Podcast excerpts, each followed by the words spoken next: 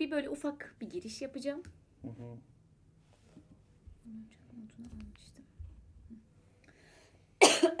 Ben de hastaydım geçen hafta. Hala öksürüğüm geçmedi. Teşekkürler. Evet. Edebiyatın, sanatın bir zamanı var mı? Günümüz dünyasında ve coğrafyasında bunca sıkıntının arasında zamansız mı sorularının ışığında başladığım bu podcast serisinde bugünkü konuğum Serdar Soydan. Serdar Soydan ile Suat, Derviş Suat Derviş'in ölümünün 50. yılı dolayısıyla yapılan bir dizi etkinliklerin birinde tanıştım. Müthiş bir çaba ve özveriyle bugün Suat Derviş külliyatını bize kazandıran isimlerden birisisin. Öncelikle hoş geldin. Hoş bulduk. Teşekkür ederim. Ee, kütüphanelerde, gazete ve dergi arşivlerini e, tarayarak yaptığın birçok çalışma var. Pek çok yazarın bilinmeyen eserlerini yayına hazırlıyorsun. Suat Derviş de bunlardan biri. Ee, öncelikle Suat Derviş ile nasıl tanıştın? Ee, bize bu serüvenden bahsedebilir misin? Hı tabii. Ee, pek çokları gibi Suat Derviş'le ben de Fosforlu Cevriye sayesinde tanıştım. Ben ama filmleri seyretmedim. Önce kitabı okudum. Ee, sanırım 20 yaşındaydım. Fosforlu Cevriye okuduğumda e, kitap beni çok etkilemişti. O güne kadar okuduğum aşkı en iyi anlatan romanlardan biriydi. Dedim ki Allah Allah ne enteresan hani bilmediğim bir yazar işte bir kitabı. Sonra baktım işte filme uyarlanmış. Bir tane şarkısı var. Aa dedim kitap o kadar tutmuş ki hemen şarkısını yapmışlar. Oysa sonra araştırınca ortaya çıktı ki şarkı önce yazılmış. Yani Zeki Duygulu diye İzmirli bir bestekar. Evet şeyde T24'te bölüyorum ama T24'te değil mi? Bununla Evet, ilgili onunla yazı. ilgili bir yazı yazdım sonra. Yani ben çünkü yıllar içerisinde e, Fosforlu Cevriye şarkısının ve romanının hangisi daha önce yapıldı? Mesela şöyle yıllarca ben şey sanıyordum işte e, Cevriye diye bir şarkı yapıldı.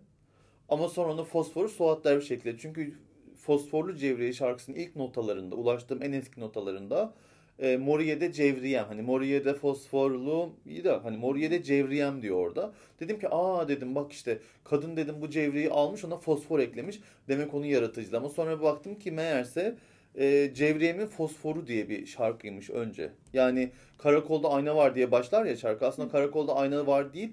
Cevriyem'in Fosforu Gönül Yakmaktır Zoru diye bir güfteyle başlıyormuş. Neyse velhasılı kelam e, Fosforlu Cevriye ile tanıştıktan sonra kimdir Suat Derviş diye araştırdım. Kadın olduğunu öğrendikten sonra ben de herkes gibi şaşırdım belki. Çünkü Suat adı bir erkek adı gibi tınlıyordu. E, oysa Mehmet Rauf'un 1900 yılında tefrika edilip 1901 yılında tam da Suat Derviş'in doğduğu yıl çıkan Eylül romanında ana kadın karakterin adı Suat. Ve belki de Suat Derviş'in ailesi de Mehmet Rauf'un Eylül'ü o yılın tutan, satan romanlarından biri olduğu için o romanın etkisiyle kızlarına Suat adını vermek istemiş olabilir. Ancak nüfus memuru Suat adını yakıştırmamış bir kız bebeğe. O yüzden de Suat Derviş'in aslında nüfustaki adı Hatice Saadet. Neyse Suat Derviş'le tanıştıktan sonra hemen dedim ne okuyabilirim başka bu kadından. Hiç romanıyla karşılaştım. Hiç romanla karşılaştıktan sonra onu okudum. O da beni çok etkiledi. Orada Seza diye bir karakter var. Seza da beni kahretti, öldürdü. Finali falan müthiş her şeyiyle çok Cevriye'ye çok benzer bu arada yapısı olarak finali. Ee, bu da bir spoiler olabilir. Birinden birini okuyan diğerini anlamış olur. Ee, ondan sonra işte bu iki romanla başlayan bir maceramız oldu. Ben o sırada yine 20'li yaşlarımın başında e, günden kaçmak için düne sığınmış ve arşivlere dadanmıştım. Gazete ve dergi tarıyordum. E, Oralar bana huzur veriyor. Çünkü hem kütüphaneler çok sessiz hem de mazi biraz uzakta kaldığı için, geride kaldığı için daha pürüzsüz gözüküyor göze. Bugün biraz daha kılçıklı, biraz daha dikenli. O yüzden bu mazinin pürüzsüzlüğü ya da pürüzsüz görünümü aslında pürüzsüz değil. Yani acı her zaman acı, dert her zaman dert, sorun, problemler hep var. Ama e, gelin görün ki işte arşive girince insan o daha nostaljik, daha romantik bir bakışla, gözle ele alıyor e, materyali. Ve ben de e, bir şekilde mutsuz, huzursuz hissettiğim için kendimi günde biraz özel, biraz genel toplumsal sebeplerden kendimi kütüphanelere atmıştım. Ve kütüphanelerde aslında taradığım birkaç tema ve birkaç yazar vardı. Ne yazık ki Suat Derviş bunlardan biri değildi. Ancak gelin görün ki e, her elime attığım ciltte bir Suat Derviş çıkıyordu karşıma. Allah Allah. 1, 2, 3, 4, 5, 6 derken dedim yani bu kadını da biriktirmeye başlayayım. En azından kenara not alayım bir yerlere falan. Böyle o zaman defterlerim vardı benim. Ben çünkü tefrika haritaları dediğim listeler çıkarıyordum. Yani bir gazetede hangi sene hangi romanlar tefrika edilmiş listelerini çıkarıyordum ve elimde şu an baya böyle bir nasıl diyeyim koca bir klasör dolusu böyle listeler var Word dosyaları halinde. Ve bir gazetenin diyelim ki mesela Son Posta gazetesi 1930 yılına çıkmaya başlıyor. 1960'ların ortasına kadar yayın yapıyor. Ben o gazetenin tüm sayılarını taradım. Ve o gazetede hangi romanlar tefrika edildi onları buldum. Böylece Suat Derviş'in ne kadar tefrika romanı varsa onların listesi oluşmaya başladı benim e, bilgisayarımda. Başka yazarlar da var. Var tabii tabii yani sayısız yazar var. Ya aklınıza gelebilecek her yazarın neredeyse gazete ve dergilerde kalmış bilinmeyen eseri var. Bazıları kendileri üstünü örtmüşler, yok saymışlar. Bazıları da unutulmuş, kalmış, yayınlanamamış. İşte Suat Derviş örneğinde olduğu gibi e, politik bazı sebeplerden üstü çizildiği zaman yazarların e, o eserler kitaplaşmamış ve gazetelerde kalmak zorunda kalmış. Şeydi ama Suat Derviş'in hatta bir röportajında vardı. Kendisi de aslında şeyi kabul etmiyor. E, bir dönem yazdığı eserleri yok sayıyor. Hani yırtıp atılması gerektiğini, belki de hiç yayınlanmaması gerektiğini e, savunuyor. Öyle hatırlıyorum. Evet doğru. Şimdi bazı yazarlarda var bu. Özellikle kadın yazarlarda daha çok karşıma çıkıyor ne yazık ki. Çünkü çok cinsiyetçi bir toplum ve dünya. Ee, öyle olunca kadını sürekli eziyorlar, aşağılıyorlar. Yani bu kadınlar da herhangi mesleklerdeki kadınlar gibi mesleki hayatları sırasında aslında erkeklerin biraz e, ez, ezmelerine, üzmelerine maruz kalmışlar. O yüzden de kendileriyle, imzalarıyla ve külliyatlarıyla sorunlu hale gelmişler. Mesela Peride Celal gibi, Suat Derviş gibi, Kerime Nadir gibi pek çok kadın yazdıklarını küçümseyebiliyor. İlk dönem yazdıklarını elini terse itebiliyor. Peride Peride Celal 1953 öncesi yazdığı hiçbir şeyin tekrar yayınlanmamasını istiyor ölene kadar. Ve yayınlatmıyor neredeyse. Selimleri araya girip bir tanesini yayınlatana kadar. Ee, Suat Derviş de aynı şekilde 1936-37 öncesi yazdıklarına karşı biraz e, mesafeli diyeyim. Oysa 1935 yılında verdiği bir röportajda en sevdiği romanlarından birinin 1923 yılında yayınlanan Ne Bir Ses Ne Bir Nefes olduğunu söylüyor. Ama iki sene sonra tüm o romanları yani iki sene bile bir buçuk sene sonra 1936 e, sonunda tüm o romanları e, çocukluk hayalleri olduğunu ve onları böyle bez bebekler, oyuncak bebekler gibi tavan arasına attığını artık söylüyor. E, bu eserine küstürülen yazarlar da dediğim gibi ekseriyeti kadın e, aslında çok ilginç bir çalışma konusu. Evet. Neden? Mesela Aziz Nesin var erkekler arasında diyelim. Aziz Nesin de ilk dönem romanlarının yeniden basılmasını istemiyor. Hatta ölmeden önce şerh koyuyor. Ben öldükten sonra aman sakın bunları basmayın diye. Mesela. Neyse sonra işte Suat Derviş'le tanışmam dediğim gibi bu arşiv e, taramalarım sırasında gazete ve dergi ciltlerinde çok sık karşıma çıkması üzerine oldu. Bir süre sonra tabii şey oluyor yani nereden baksanız 20 yılı geçmiş benim arşive girmem ve gazete dergi taramaya başlamam. Dediğim gibi Türkiye'de çıkmış pek çok gazetenin ilk sayısından son sayısına kadar neredeyse sayı sayı taradım. Ve onların hem tefrika listelerine hem işte hangi röportajlar yayınlanmış, ne gibi yazı dizileri çıkmışları notladım. Öyle olunca bir süre sonra resmi daha bütünlüklü görmeye başlıyorsunuz. Bu bir zaman meselesi. Bu resim gittikçe büyüyor anladığım kadarıyla. Çünkü Suat Derviş'in değil mi? Sizin evet. de yaptığınız çalışmalarda bu şey yani gittikçe büyüyen bir resim. Tabii yani Suat Derviş Babali'nin en üretken kalemlerinden bir tanesi. Bir kere bir zanaatkar. Yani ben böyle sanatçıyım, içimden geleni yazıyorum. Yalnızca işte e, çok ilham gelince oturuyorum yazıyorum diyen insanlardan biri değil. Gazetelerde memur gibi çalışan, işte gazete idarehanelerinde ofisi olan ve orada sürekli sütun dolduran, işte gazete idaresinin e, bugün hikaye gelmedi, hadi Suat bir hikaye çiziktir dediği ve hemen onun bir hikaye çiz, yazdığı insan yazan insanlardan bir tanesi. Selami İzzet Sedes gibi, İskender Fahrettin gibi, Mahmut Yesari gibi. Bu insanlar zaten Babali'yi ayakta tutan insanlar. İşte Vala Nurettin var mesela yine. E, sayısız eser üretmişler. Yani her birinin neredeyse yüzün üzerinde cilt eseri var.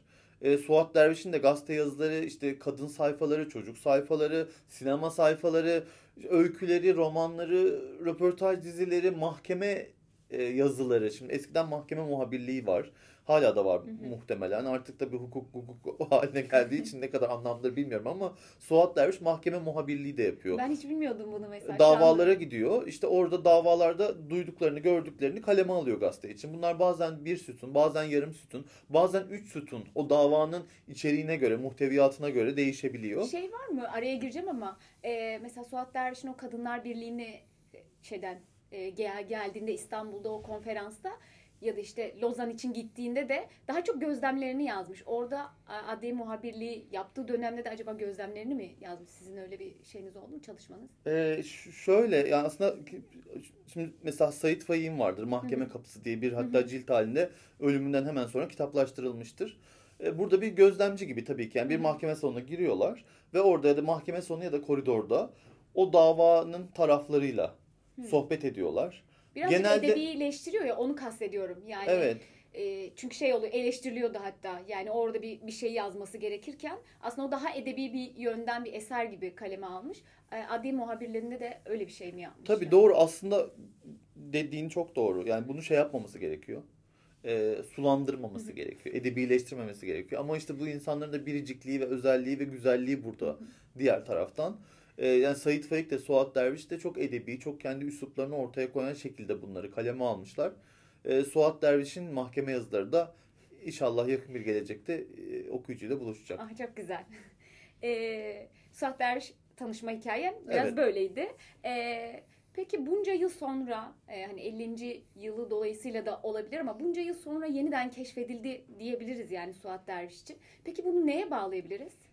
E, yani bu zamanda keşfedilmesini bir şeye bağlayabilir miyiz emin değilim ondan. Ama mutlaka bir zaman keşfedileceğinden eminim. Yani ben olmasaydım ya da İtaki olmasaydı bir şekilde 3 sene sonra 5 sene sonra başka bir yayın evinde başka bir insan tarafından gün yüzüne çıkarılabilirdi. Çünkü malzeme güzel. Yani günün birinde keşfedilmeyi bekleyen bir işte maden yatağı varmış. Bunu keşfetmek ne mutlu ki bir oranda bana nasip oldu ve ben bundan çok faydalandım. Yani aslında hani ben Suat Derviş'i var etmişim gözüküyor ama tam tersi Suat Derviş beni var etti, beni şekillendirdi.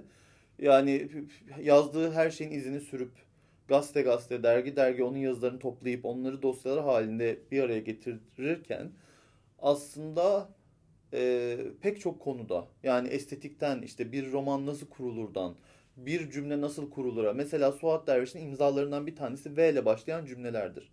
Aslında Türkçe'de V ile cümle başlamaz. İşte ve Serdar kapıdan girdi ve bilmem ne oldu falan gibi böyle. Şimdi Suat Derviş çok fazla ve ile cümle başlatır.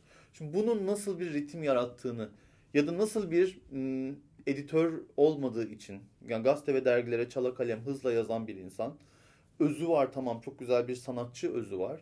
Güzel bir materyal buluyor ama onu işlemeye fırsatı yok, zamanı yok. Zamansız. Yani zamansızlıktan aslında romanları tam kurulmamış. Ham halde romanlar oluyor. Mesela onun romanlarını cümle cümle, kelime kelime bilgisayara geçirirken, yayını hazırlarken keşke bir editörü olsaymış, keşke biraz daha zamanı olsaymış, keşke daha iyi yönlendirilse ya da uyarılsaymış bazı konularda diye düşündüm. Beni çok geliştirdi, beni çok değiştirdi. Ee, hayata dair bakışımı etkiledi yani Suat Derviş'le bu kadar yakından tanışmak. Çünkü öyle bir şey ki bu. Yani bir insanın 40 tane romanını geçirdikten sonra, yüzlerce öyküsünü okuduktan sonra artık biraz onun içine girmiş, onunla özdeşleşmiş gibi oluyorsunuz. E, o açıdan Suat Derviş'in soruya dönecek olursak, yani Suat Derviş'in er geç keşfedileceğini ve er geç bir e, başarı elde edeceğini, hem sanatsal hem ticari bir başarı elde edeceğini, yani daha doğrusu başarının ortaya çıkacağından emindim. E, ne mutlu ki bana biraz nasip oldu bunu hani ortaya çıkarmak ve şey yapmak. Ee, çok teşekkür ederiz ya bir okuyucu olarak. Ben de teşekkür ederim Suat Derviş'e evet. ve okuyuculara yani yalnız bırakmadıkları için. Çünkü yani satmasaydı ilk çıkan Hı-hı. kitaplar ondan sonra devamı gelmeyebilirdi. İtaki çok inatçı bir çaba içerisinde bunları basıyor arka arkaya ama bir okur desteği olmasaydı, bir okurda karşılık e, olmasaydı herhalde 31. kitabı çıkarmış olmazdık şimdiye kadar. Yani Suat Derviş Külliyatı 31 kitap vardı şu an ve sanıyorum bir bu kadar daha var. Oh, çok. Çünkü ben şeyden hatırlıyorum bu etkinlikler işte İteki'nin e, kitap evlerindeki etkinlikleri ya da işte başka etkinliklerinde hep şey oluyor. Yeni bir kitabı hazırlığı aşamasındayız ve yeniden bir tane kitap çıkacak falan gibi bir kısmı da hala çıkacak. Çıkacak. Yani daha dün ben e, önce kadınlar ve çocuklar diye bir cilt hazırlıyordum bir süredir. Ve dün şunu idrakine vardım. Bu tek cilti iki cilt olacak. Yani Suat Derviş'in kadınlarla ilgili işte bu demin bahsettiğiniz e, dünya feministlerinin İstanbul'daki 1935 yılının Nisan'ında yapılan kongresi de Suat Derviş oraya gelen tüm feministlerle dünyanın her yerinden gelen feministler röportajlar yapıyor. Dahası o feministlere sorduğu sorular fix. Yani bir anket gibi aslında. Şey Aynı falan sor- hatırlıyorum. Kürtaj meselesi Evet, falan soruyor. tabii. O dönem için Üç tane şey var Yeni- işte. Kadınlar savaşa engel Hı hı. olabilir mi? Kadınlar asker olabilir mi? Ee, kürtaj sizce bir suç mudur? Ee, diye üç tane aslında genel başlığı var. Yani kadının hem militarizme karşı duruşu Hı hı. hem doğum kontrolü o yıllarda dünyanın pek çok yerinde Türkiye'de olduğu gibi yasak. Ve bu doğum kontrolüyle ilgili, kürtaj yasağı ile ilgili, kürtajın kriminalize edilmesiyle ilgili e, feministlere sorular soruyor. Yani bu, bu çok önemli bir şey çünkü 1925-26 yılında Türkiye'de nüfusu koruma yasası çıkarılıyor. Ve o, o yasa 1960'ların sonuna kadar yürürlükte. Ve böyle bir hani katı dönem içerisinde hani hiçbir şekilde doğum kontrolüne izin verilmezken Suat Derviş'in bir gazetede e, dünyanın her yerinden gelen insanlara bu yasağı sorması ve bunu problematize etmesi, bir tartışma haline getirmesi çok önemli. evet. Aynı şekilde gazetede bir de aynı dönemde bu hani dünya feministleri Hı hı. anketi yaparken e, Türkiye'li kadınlarla da her meslekten, her sınıftan farklı kadınlarla da aynı soruları sorarak bir anket daha yapılıyor. O imzasız. Ama muhtemelen işte dediğim Suat gibi Derviş'e Suat Derviş aynı gazetede olduğu için çünkü sorular aynı yani so- sorular Suat Hmm. Derviş'in soruları ve üslup V ile başlayan cümlelerden ve birkaç başka şeyden anekdottan biliyoruz ki yani şeyden anekdot demeyeyim de ortak şeyden hmm, Dilden. durumdan dilden anlıyoruz ki Suat Derviş'in onlarda. O yüzden şimdi mesela onları yayına hazırladım ben O ve fark ettim ki işte 165 A4 tuttu. Demek ikiye bölünüp yayınlanacak. Yani kadınlar ve çocuklar ayrı iki e, cilt halinde umarım 2023 yılında Aa, çok güzel. yayınlanacak. Yani o, o çok merak ettiğim de bir şey değil. Çünkü ben bunu e, bakarken Suat Derviş'e bakarken onların şeyleri yok. Yani cevaplar ne, kim ne söylemiş ve o dönem için bence çok ileri bir tartışma. E, çünkü çok fazla tartışılan bir durum söz konusu değil. E, daha e, özellikle kadınların bunu tartıştığı ve kadınların tartıştırdığı bir durum söz konusu Hı hı. değil ki bu. O dönemi düşünecek olursak hani bugün bile belki Evet. bir e, kadın gazetecinin bunu yapması bu kadar etkili yapabilmesi zorken e, böyle bir alanın olması çok şey ilgi çekici ve ben açıkçası çok heyecanlandım. Hatta röportajların genel tarzı değil mi? Suat Derviş'in hani röportajlarının zaten böyle bir tarzı var. Yani bir tema üzerinden veremlerle yaptığı, işte İstanbul'daki su sorunuyla yaptığı, işte yoksul insanlarla yaptığı değil mi? Genel bir şey söyleyebiliriz yani Evet bu. o zaman öyle bir şey var. Ee, mesela Naci Sadullah da bunu yapıyor. Ee, Kemal Tahir de bunu yapıyor. Kemal Tahir de 30'lu yılların ortasından itibaren Son Posta gazetesi için röportajlar kaleme alıyor aslında. Bu röportajlar söyleşten farklı olarak yani bir konuda bir derdiniz var ve o dertten muzdarip insanları buluyorsunuz. Onlarla bir sistematik içerisinde yani konuyu farklı mesela diyelim ki Suat Derviş'in Çocuklarımız Ne Halde diye Cumhuriyet'te yayınlanmış bir röportaj dizisi var. Şimdi şey 1935 yılının sonbaharında çocuklarımız ne halde? Soru bu. Ve ne yapıyor? Yani morga gidiyor morg görevlisiyle konuşuyor. Gelen çocuk cesetlerini soruyor. Çocuk doktoruna gidiyor, doktora gidiyor, annelere gidiyor, kreş müdürlerine gidiyor. Yani bir konuyu her açıdan ele almaya çalışıyor. Üç boyutlu halde yani her farklı gözden aynı problemi ya da aynı olguyu e, ortaya koymaya çalışıyor. Böylece bütünlüklü bir sonuca varıyor. Ve sonra mesela o dönem röportajcılarında e, bir sonuç bildirisi gibi bir şey yazma geleneği var. Mesela Suat Derviş de işte Türk kadın nasıl iş bulur diye Tan gazetesinde bir röportaj dizisi yapıyor. 1937 yılının Ocak ayında. Ve bu Ocak ayında yaptığı röportajları yapıyor yapıyor yapıyor. İşte 9 ya da 10 röportajdan sonra 11. de bir sonuç yayınlıyor. Aynı şekilde mesela Son Posta gazetesinde 1936 yılının Mayıs ayında e, Çöken Boğaziçi diye bir röportaj dizisi yapıyor. Ve bu röportaj dizisi aslında Boğaziçi'nin hali pürmelalini ortaya koymayı amaçlıyor. Yaklaşık 25 gün boyunca 25 Boğaziçi semtine gidip oralarda insanlarla söyleşip 26. gün İstanbul Büyükşehir Belediyesi ve herhangi devlet kurumlarına yani kimse muhatabı sorunları kendince özetliyor. Ve bunları e, bir sonuç bildirgesiyle sunuyor okuyucusuna. Mesela bu çok sorumlu bir tavır. Çünkü bu bir yani ülkenin, kentin, toplumun sorunlarına karşı duyarlılar. İkincisi bir çözüm önerisi e, insanların akıl edebileceği ya da oradan yola çıkarak bulabileceği şekilde bütünlüklü iş yapıyorlar. Yani gidip de işte üç tane veremliyle konuştum değil. Mesela veremlerle konuşuyor sonra gidiyor verem doktorlarıyla konuşuyor. Ondan sonra işte ve- verem konusunda Sağlık Bakanlığı'nın ne yapabileceğine dair fikirlerini söylüyor. Bu çok aydın bir tavır. Ve işte o dönem röportajlarının bazıları e, ve Suat Derviş ne mutlu ki bunların öncülerinden biri. Hatta belki ilki. Yani bu kadar politik ve bu kadar bütünlüklü, bu kadar analitik olarak o sorunu bir düzlemde ortaya koyan ve konumlandıran ve çözüm önerileri sunan ilk röportajcı Suat Derviş'tir desek belki yanlış olmaz. E, bugünlerde aslında e, hani yazarların bir zamanı var mıdır e, diye bir şey soracaktım ama tam olarak sizin e, şey, senin anlattığın şeye denk düşüyor. Yani yeniden böyle yazarlara, böyle e, röportajlara, işte böyle aydınlara belki de ihtiyacımız var. Çünkü sorunlarımız var ve hala benzer sorunlar belli biçimlerde farklı boyutlarıyla devam edebiliyor ve e, sanki biraz keşfedilmesi, yeniden keşfedilmesini de ben kişisel olarak biraz buralara bağlıyorum. Yani çünkü buna ihtiyacımız var. İnsanların e, bir şeyler söylemesine, belki işte bu farklı kesimlerden bir tema üzerine toplanıp bir şey çözüm üretilmesine hani bugün de konuşulan işte böyle röportajlar neden yok e, yapılsa nasıl olur? E, birazcık ben böyle düşünüyorum. Yani Suat Derviş'in zamanı belki de tam bugün. Olabilir. Yani bir kere şöyle bir durum var. Yani zaman geçiyor. Yani tamam zamansız bir şey var bir öz var. Ama bir taraftan da zamanın geçişi diye bir gerçeklik de var. Ve zaman geçtikçe dünya şekilleniyor değişiyor. Basının değeri şu an çok farklı. Ya o zaman bir gazete çok kıymetli bir mecrayken bugün aslında gazete eskisi kadar değerli değil. Hele e, basılı materyaller gitgide tedavülden kalkıyor neredeyse. Yani dünyanın çok çok büyük gazeteleri, Türkiye'nin çok çok büyük gazeteleri artık eski tirajlarını hayal dahi edemiyorlar. Bırakın elde etmeyi. O yüzden bugün yazarın konumu, gazetenin konumu, röportajın konumu aynı bundan emin değilim. Ama yeni mecralar denenebilir. Yani belki atıyorum işte bugün sosyal medya diye yeni bir medya var.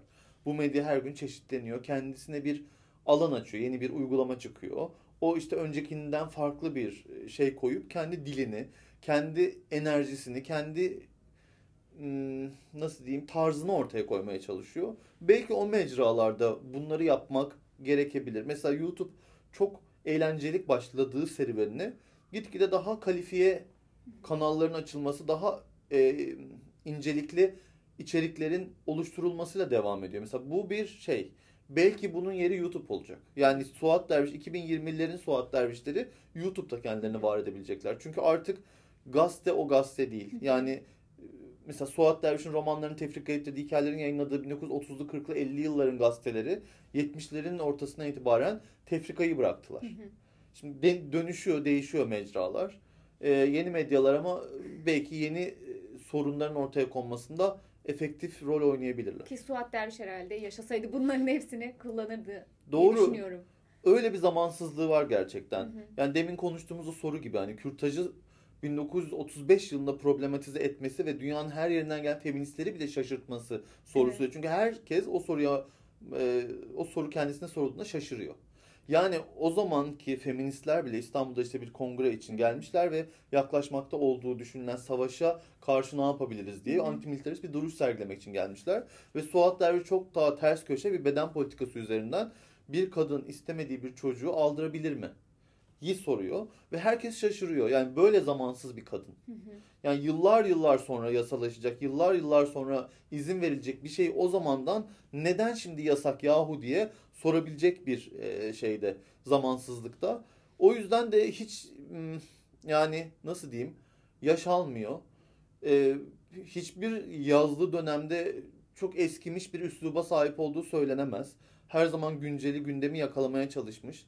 Bu tabii matbuatla çok içli dışlı olmasından da kaynaklı. Yani bir köşesinde sırça köşesinde oturan bir yazar olsa belki toplumun nabzını bu kadar tutamaz ama Suat Derviş her zaman matbuatın da bir parçası olarak, bir yazar olarak, bir haberci olarak e, toplum ne hissediyor, ne yaşıyor, nasıl bir ritimde yaşıyor onu hissedebilmiş, duyabilmiş ve bunu yansıtabilmiş. Ki ö, bence özel bir yanı çünkü e, hani o bir sırça köşkün içerisine doğuyor aslında hani Tabii.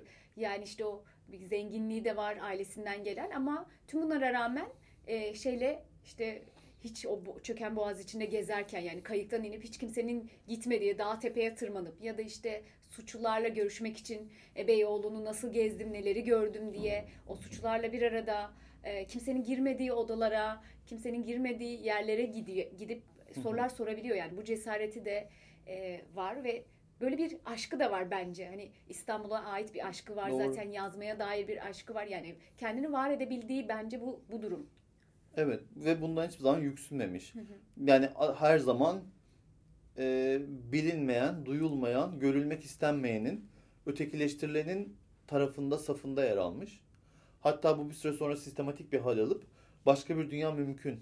Ve bu işte kapitalist bir düzenden komünist bir düzene geçelim ne kadar e, varan e, böyle bir ideal edinip kendine bunu savunan ve bu bu uğurda yani kariyerinden, özgürlüğünden, çocuğundan, her şeyinden vazgeçmiş Hı hı. bir insandan bahsediyoruz. O yüzden bugünün bu postmodern hatta postmodern sonrası dünyasında, post postmodern dünyasında gitgide inançsızlaşan, gitgide artık işte post-truth döneminde gerçekliği sorgular hale gelen, deep fake'lere düşüp işte o onun yüzü mü, o onun ağzı mı diye tartışan insanlar için bu kadar inançlı ve bu kadar e, toplumun kendince iyiliğini isteyen insanlar e, çok nostaljik ama çok bir taraftan da kahraman sonuç olarak. Yani toplumunu daha iyi bir noktaya taşımak için elinden geleni yapmış ve bu uğurda aslında kendisini ve ömrünü heba etmiş birinden bahsediyoruz. Ülkesini terk etmek zorunda kalmış 10 yıl kadar ve kocası hapisteyken bunu yapmak zorunda kalmış bir insan Suat Derviş.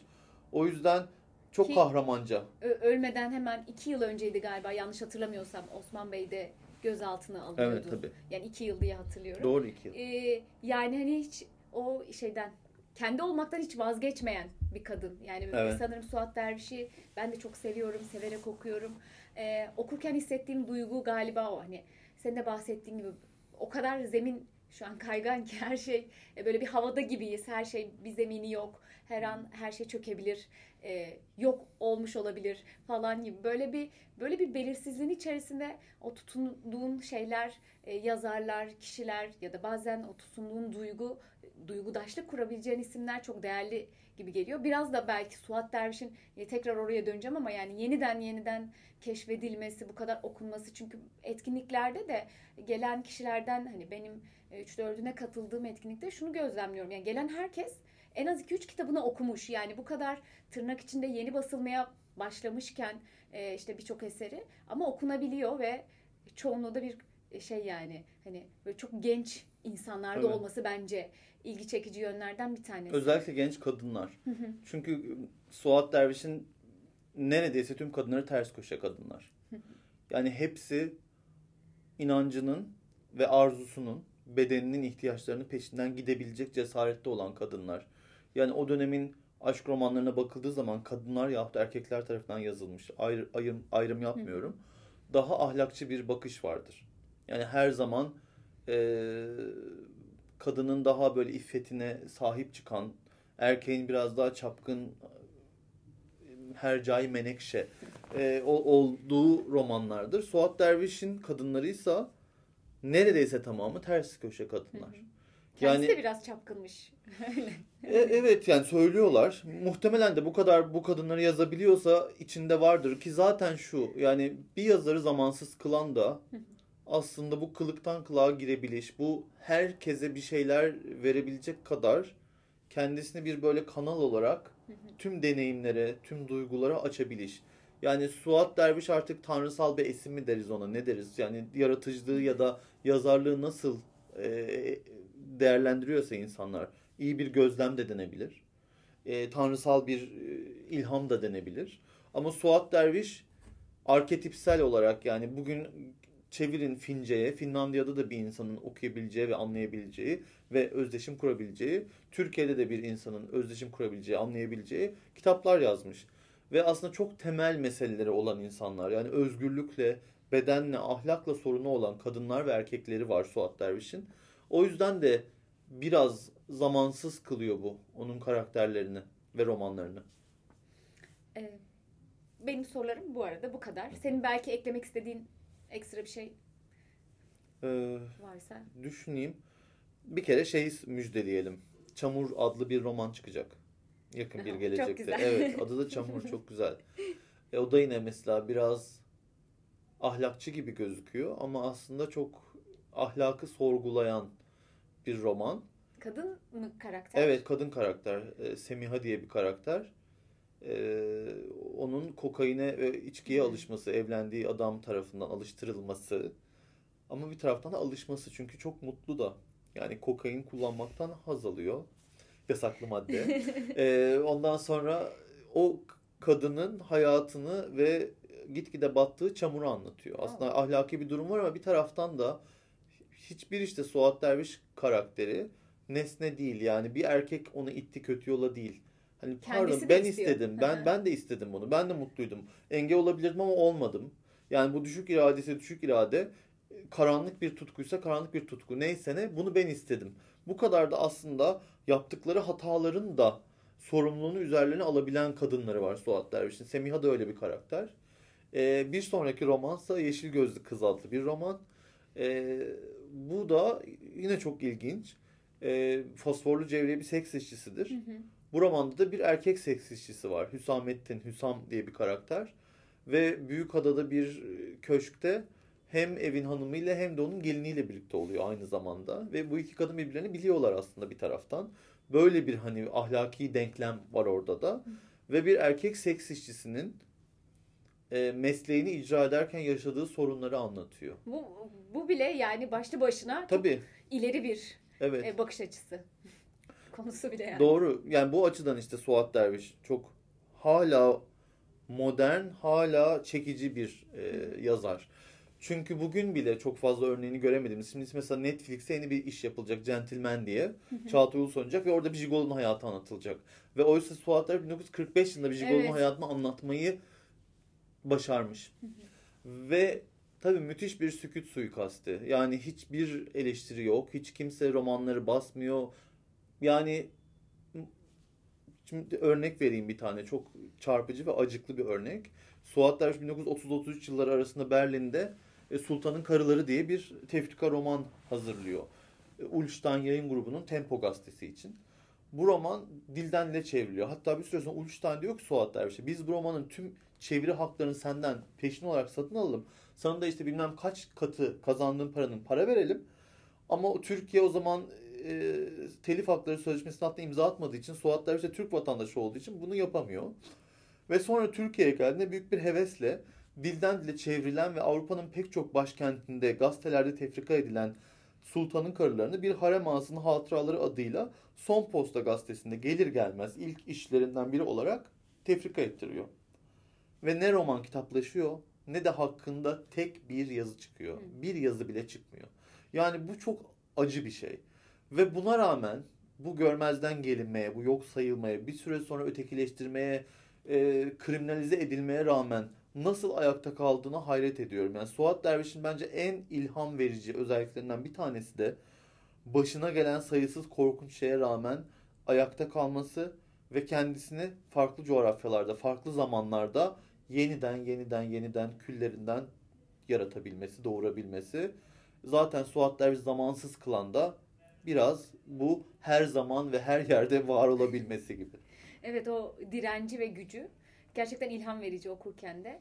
Ee, çok teşekkür ederim hem e, programa geldiğin için burada bizim aramızda olduğun için hem de e, tüm bu çalışmalar ve Suat Derviş'i e, yeniden yeniden keşfederken e, senin önce olman e, ve bize kazandırman çok teşekkürler. Ben de sana ve bizleri dinleyen herkese teşekkür ediyorum. Görüşmek üzere.